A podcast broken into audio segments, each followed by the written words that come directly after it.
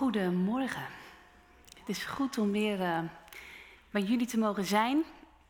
En de preek die ik vanmorgen wil gaan houden, beetje een aparte titel, maar die gaat over de rock and roll moves van het heidigingsleven. Rock and roll en zachtmoedige eigenlijk. Nou, dat lijkt dus totaal niet bij elkaar te passen. Ik moet eerlijk zeggen dat ik ook even heb getwijfeld over de titel van de preek, maar telkens opnieuw kom ik hier weer bij uit. Want toen ik bezig was met de preek van Jezus, waar ik vandaag over mag preken, en ik inzoomde ook in mijn studie op, op het vers waar we vandaag op inzoomen. Gelukkig zijn de zachtmoedigen, want zij zullen de aarde bezitten.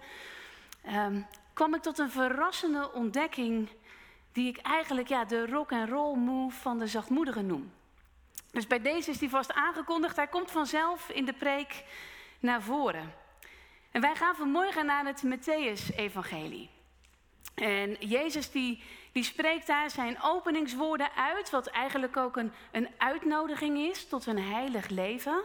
Hij zegt, kom tot inkeer, want het koninkrijk van de hemel is nabij. En als hij die opening, die uitnodiging heeft uitgesproken, dan houdt hij zijn preek die wij kennen als de bergreden. En die preek die, begint in hoofdstuk 5, dan staat er, Jezus ging de berg op. En de preek eindigt in hoofdstuk 7. Als Jezus het afsluit met een vertelling over dat, dat iedereen die de woorden die hij zojuist heeft gesproken hoort en doet, is als iemand die zijn hele bestaan, zijn hele leven op de rots heeft gebouwd en gefundeerd. En dan staat er, ging hij de berg weer af. Dat is het einde van zijn preek. En als Jezus deze preek geeft hier in Matthäus, helemaal aan het begin, aan het begin van zijn bediening, dan is hij razend populair. En verplaats je even in het publiek waar wij vanmorgen aanschuiven en een plekje tussen hen inzoeken. De Joden die werden al 2500 jaar onderdrukt. De belastingen rezen de pon uit. Ze hadden ook last van inflatie. Het dagelijks leven was duur. Ze verlangden er zo intens naar dat de oude profetieën uit zouden komen en dat de Messias zou komen. Dan zou er eindelijk economisch, politiek, maar ook sociaal herstel zijn. Dan kunnen ze weer het leven leven, hun godsdienst beoefenen zoals zij geloven dat het goed is en helemaal bij hen past. En ze zeggen dat Hij het is. Er gaan geruchten over ene Jezus uit Nazareth. En na alles wat ze over hem gehoord hebben, dat hij zieken geneest, uh, demonen uit, uit mensen uh, laat vertrekken en vrijzet, denken ze, ja, dit zou hem wel eens kunnen zijn. Zou het dan echt? Gaan wij het meemaken? In onze dagen is hij de Messias. En ze willen zijn manifest, zijn, zijn plan horen om hoe hij nu denkt die Romeinen eruit te werken en ze kunnen niet wachten tot er een heel nieuw leven aan zal breken in hun nieuwe koninkrijk, het nieuwe Israël. Had Jezus het daar niet over? Het koninkrijk is nabij. Ze kunnen niet wachten. Yes, het gaat gebeuren. Voel je de verwachting van dit publiek als ze gaan zitten om te luisteren naar Jezus? En dan is dit wat Jezus zegt. Gelukkig wie nederig van hart zijn, want voor hen is het koninkrijk van de hemel. Gelukkig de treurenden, want zij zullen getroost worden. Gelukkig de zachtmoedigen, want zij zullen het land bezitten. Gelukkig wie hongeren en dorsten naar gerechtigheid, want zij zullen verzadigd worden. Gelukkig de barmhartigen, want zij zullen barmhartigheid ondervinden. Gelukkig wie zuiver van hart zijn, want zij zullen God zien. Gelukkig de vredestichters, want zij zullen kinderen van God genoemd worden. Gelukkig wie vanwege de gerechtigheid vervolgd worden, want voor hen is het koninkrijk van de hemel. Gelukkig zijn jullie wanneer ze je omwille van mij uitschelden, vervolgen en van allerlei kwaad betichten. Verheug je en wees blij. Want je zult rijkelijk worden beloond in de hemel. Zo immers vervolgden ze voor jullie de profeten. Wat? Serieus? Is dit zijn plan? En het woord wat Jezus voor gelukkig gebruikt, sommige vertalingen zeggen zalig of gezegend, dat, is het woord makarios. En dat is een heel sterk woord wat werkelijk van alles betekent. Het is zoiets als, oh, gezegend zijn of het geluk van. Maar mijn favoriete vertaling van dit woord komt van de theoloog Karl Barth. En die vertaalt het woord Makarios hier als you lucky bums. Oftewel, stelletje bofkonten. Zo sterk is dit woord. Jezus herdefinieert hun hele denken over wat zegen is. Alles wat een Jood, maar laten we eerlijk zijn, wat ook wij onder gezegend zijn, gelukkig zijn, verstaan, dat is van veel dingen het tegenovergestelde van het rijtje hier. Eh, ik bedoel, gezegend ben je als je geslaagd bent. Je je leven kunt leiden zoals jij wilt, met wie je wilt, in goede gezondheid, zonder zorgen. Dat is voor ons een goede definitie van gelukkig zijn, toch? En Jezus? Gelukkig ben je als je arm bent en wanneer je rouwt. Als je intens met elke vezel in jou snakt naar een greintje gerechtigheid. Gefeliciteerd wanneer je uitgescholden wordt en van allerlei kwaad beticht wordt en als mensen over je lasteren. Gezegend ben je als je onderdrukt en vervolgd wordt. Stelletje bofkonten. Voor jullie is het koninkrijk van de hemel. Wat, wat doet Jezus hier? En lieve mensen, het is heel belangrijk dat je begrijpt dat deze woorden niet op zichzelf staan. Ze zijn verbonden met die uitnodiging, die openingswoorden van Jezus die hij net voor deze preek deed. Kom tot inkeer, want het koninkrijk van de hemel is nabij. En nadat hij ons heeft uitgenodigd tot dit koninkrijksleven, het heilige leven, maakt hij duidelijk wat voor leven je dan kunt verwachten als je ja zegt tegen zijn koninkrijk. Hoe anders het eruit toe gaat en hoe gelukkig gezegend zijn gedefinieerd is vanuit Gods perspectief in zijn koninkrijk. En deze uitspraken van Jezus laten zien dat het allemaal begint met een compleet nieuwe manier van denken en van zijn. Wij denken vaak dat we van alles moeten doen om, om, om gelukkig, om gezegend te zijn. Wat gaan we dan makkelijk in een soort overdrive om, om geluk, het Makarios, het bofkonte leven te bereiken. Maar Jezus draait het om. Hij zet ons vanmorgen stil en op zijn kop. Hij laat zien, gezegend zijn heeft helemaal niets te maken met jullie idee van geslaagd en gelukkig zijn. In het koninkrijksleven, in het heiligingsleven, gaat het over altijd en in alles in relatie met God zijn. Jezus laat ons zien dat, dat het in het koninkrijkleven niet gaat om wat toevoegingen aan je leven nu. God wil geen dakkapel plaatsen of een likje verf aan de buitenkant smeren. Hij wil de fundering oplichten. Een hele een nieuwe, compleet nieuwe verdieping onder je leven bouwen. Een nieuw fundament leggen en je dan tot de nok toe vullen met zijn liefde. Zodat je vanuit die liefde, vanuit dat zijn, het in zijn liefde zijn, in deze wereld leert staan en zijn en doen. Hij wil ons van binnenuit herscheppen. God wil geen oppervlakkige veranderingen, nee, Hij is geïnteresseerd in een complete renovatie van ons hart.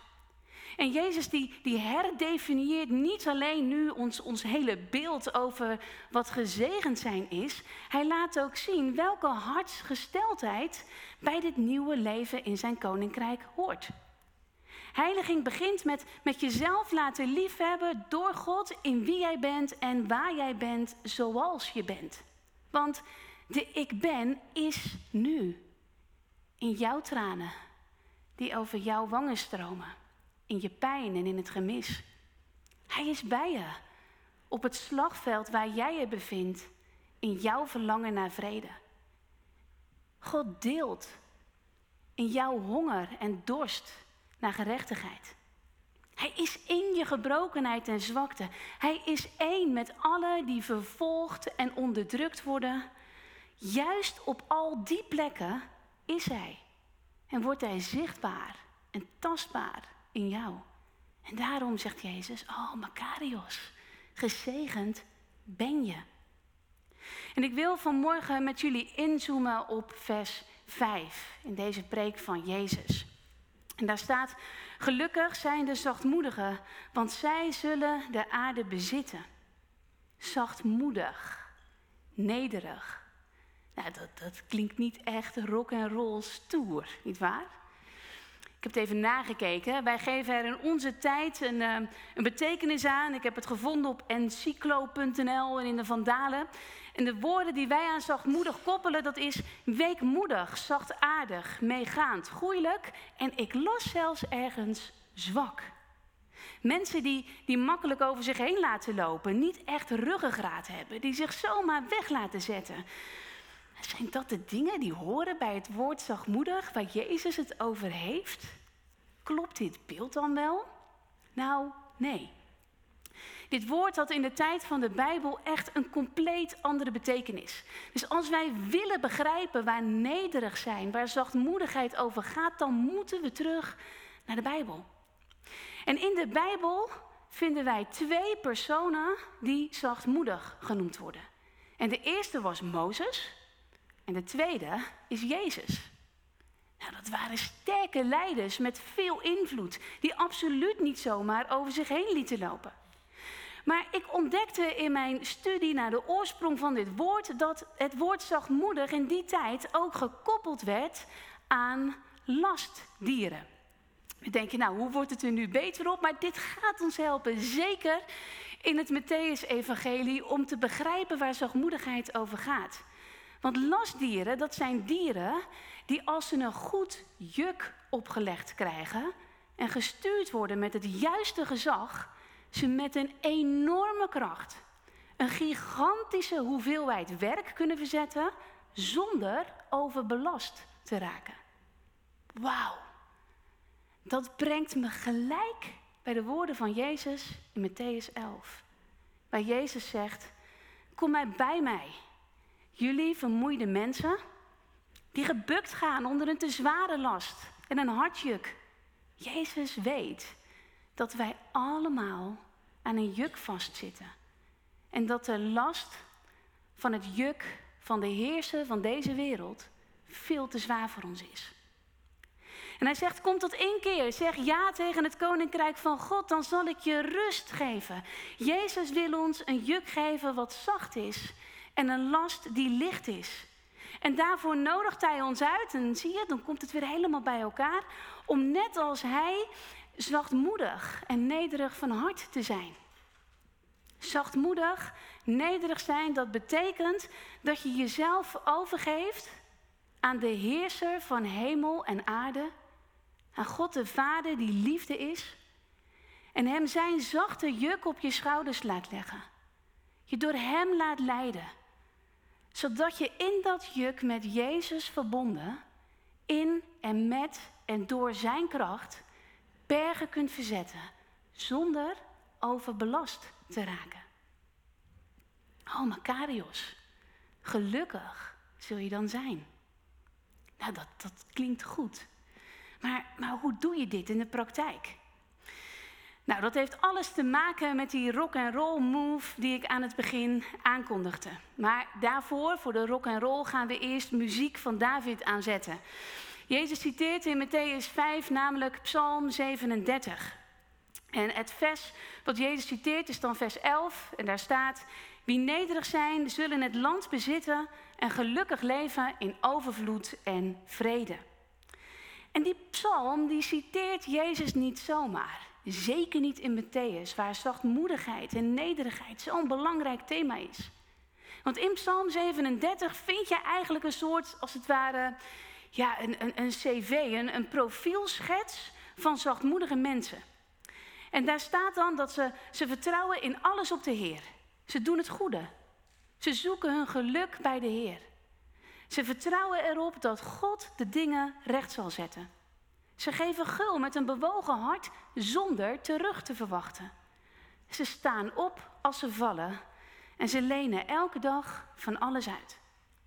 Maar de psalm laat eigenlijk vooral ook zien wie zachtmoedige mensen zijn door best wel heel veel woorden te geven aan wat deze mensen niet doen.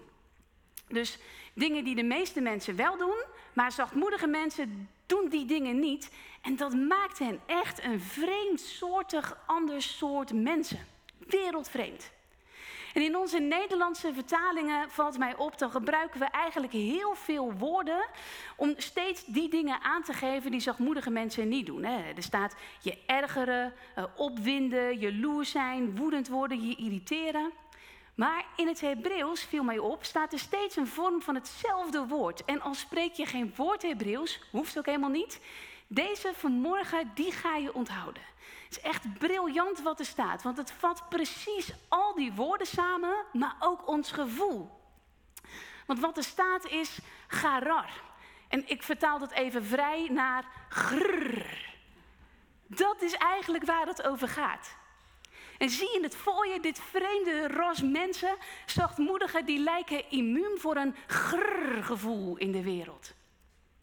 Ze laten het bloed niet onder hun nagels vandaan halen. Ze koesteren geen wrok. Ze spreken geen kwaad. Ze roddelen niet. Ze kunnen ongelooflijk veel verdragen. Met als enige verlangen om God shalom, zijn liefde tastbaar en zichtbaar te maken voor de mensen en de wereld om hen heen. En zij, zegt David, zij zullen het koninkrijk de aarde beërven. En weet je, al deze zachtmoedige karaktereigenschappen uit Psalm 37 driftig overschrijven en een soort van op je heiligings-to-do-lijstje zetten, het heeft werkelijk geen enkele zin. Aan de oppervlakte lijkt het misschien even te lukken, maar je houdt het maar even vol. En David, die begrijpt dat. Want het woord wat hij gebruikt met zoveel aandacht en zorg, garar, dat gaat diep. Het wil zeggen dat je, dat je irritatie, boosheid, dingen die je kwellen, niet laat sudderen. En oh, dat is zo moeilijk in deze wereld, die zo vol is van: geef jij mij een duw, dan duw ik terug. Kom jij mij, dan kom ik aan jou. Snij jij mij af in het verkeer of laat je me er niet tussen? Nou, dan. En vul het zelf maar in. En wat zijn wij goed in dingen onderhuids laten sudderen? Je kent dat wel. Van die nare opmerkingen die iemand met een chirurgische precisie kan maken. En die dan precies snijden daar op die plek in jou waar het pijn doet. En je kunt het maar niet loslaten. Of iemand in je familie of je schoonfamilie. Die net op een bepaalde toon dingen kan zeggen of dingen kan doen die het bloed onder je nagels vandaan halen. Die in één keer op al je allergieknoppen kan drukken. Ken je dat? En dan, dan kun je het misschien even volhouden met zo'n voornemen op je to-do-lijstje. Maar na een tijdje, dan bereik je het kookpunt. En garar! Dan, dan schiet je in je vlees, maar eigenlijk vooral uit je vel. Maar die zachtmoedigen, die trekken op de een of andere manier de lont uit die garar ontploffingen. Hoe doen ze dat dan? Nou, zij hebben in hun leven met God een move geleerd. Die ze dagelijks, zo vaak als nodig is, in de praktijk brengen. Zo vaak dat het een gewoonte is geworden. En een krachtige uitwerking heeft in hun hele leven. En deze move, die vinden wij in vers 5. En daar staat, leg je leven in de handen van de Heer. Vertrouw op Hem. Hij zal dit voor je doen. En wat er dan staat bij leg je leven, dat is het woord galal. En dat is heel interessant, want dat betekent eigenlijk weg of van je afrollen. Weg of van je afrollen. Dat staat er eigenlijk bij leg je leven. Wil je het geheim weten van zachtmoedige mensen en hoe zij die lont uit die garar ontploffingen halen?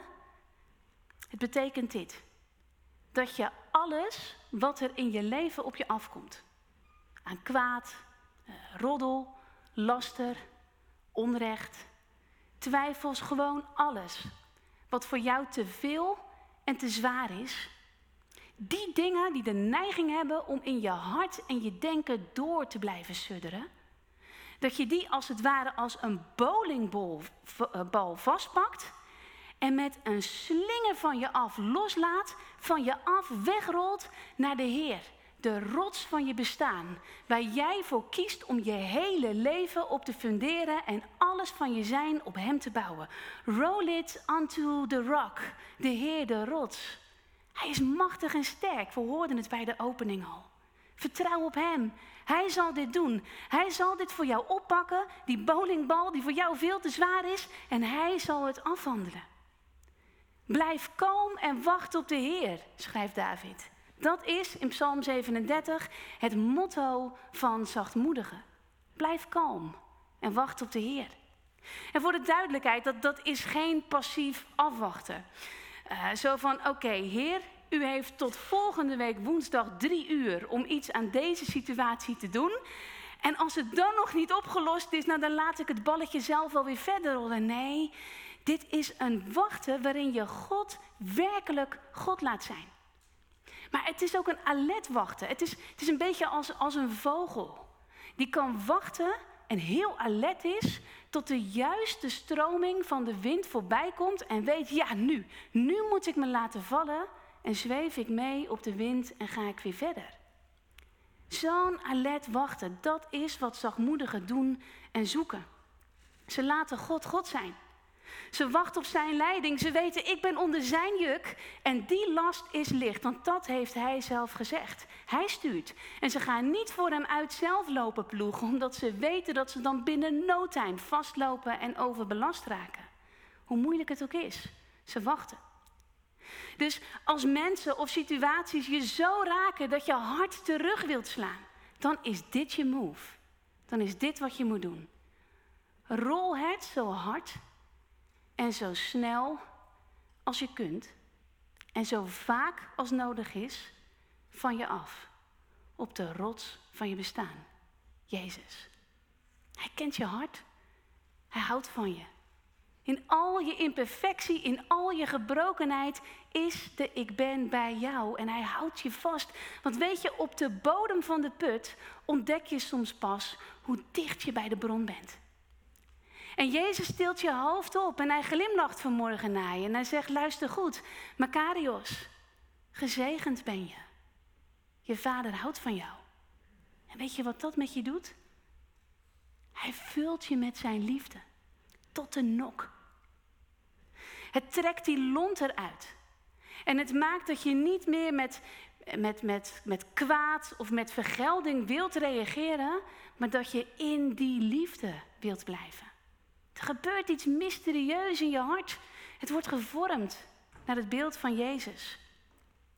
Jezus, die alle afwijzing, al het onrecht, alle pijn, ellende, ziekte, zonde, schaamte, schuld, werkelijk alle haat in de wereld, het kwaad zelf op zich af liet rollen. Hij zei: Rol het maar op mij. Laat het op mij leeg en stuk lopen. Want het stopt hier bij mij. Ik ben de eerste ter wereld die het op geen enkele wijze doorgeeft. Ik drink het tot de laatste druppel leeg. Hij, de rots, liet zichzelf er doorbreken voor ons. Zodat naar ons levend water stromen van vergeving en liefde stromen. En de zachtmoedigen, dat zijn zijn mensen. Ze vertrouwen zich helemaal aan de Heer toe. Ze geven het niet op, want ze geven het over. Ze geven zichzelf over. Het zijn gezegende mensen die weten tot in het diepst van hun zijn hoe geliefd ze zijn. En ze vertrouwen de Heer in alles. Ze nemen het recht niet in eigen hand. Het nieuwe koninkrijk leven, het heiligingsleven, heiliging breekt door in hun bestaan. Ze gaan veel lichter door het leven.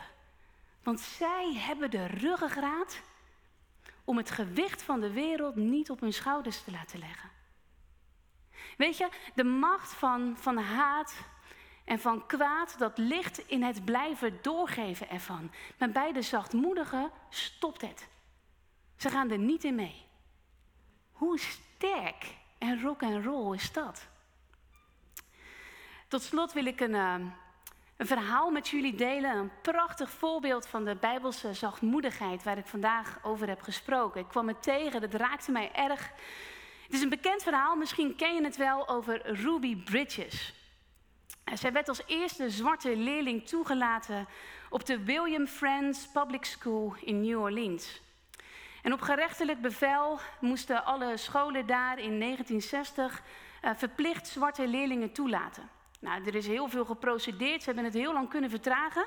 Maar eindelijk, op 14 november, ging Ruby als enige zwarte leerling naar de public school in New Orleans. En op die dag, 14 november, haalden alle blanke ouders hun kinderen van school af. En alle leerkrachten weigerden les te geven aan een zwarte leerling, behalve Barbara Henry. Vanaf de tweede dag 15 november, gaf Barbara Henry dat jaar les, het hele lesjaar, aan één leerling. Omdat alle andere kinderen niet meer van hun ouders bij haar in de klas mochten zitten. Meer dan 200 mensen protesteerden dagelijks bij de ingang van de school. Ze scandeerden de meest vreselijke leuzen. Ze hadden zelfs een, een, een grafkist gemaakt en daar een zwarte pop in gelegd. Ze dreigden Ruby te vermoorden. Het is ongekend dat je dat een kind van zes jaar aan kunt doen. Ruby werd onder begeleiding van uh, marshals van, van de politie in Amerika naar school gebracht. En op YouTube zag ik een interview van Robert Coles. Dat is het uh, plaatje wat ernaast staat.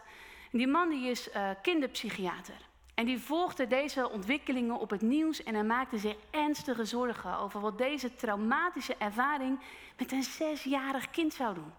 Zij strekte zich uit naar die familie, hij reisde daarna af en hij trok met hen op. En hij wilde hen ondersteunen en Ruby van dichtbij observeren. En in dat interview zegt hij, de ouders van Ruby waren nederige, eenvoudige mensen. Ze waren straatarm. En Ruby, dat was een meisje met een rotsvast geloof, die in alles op God vertrouwde en elke dag kalm bleef. En gewoon stoïcijns naar school bleef gaan.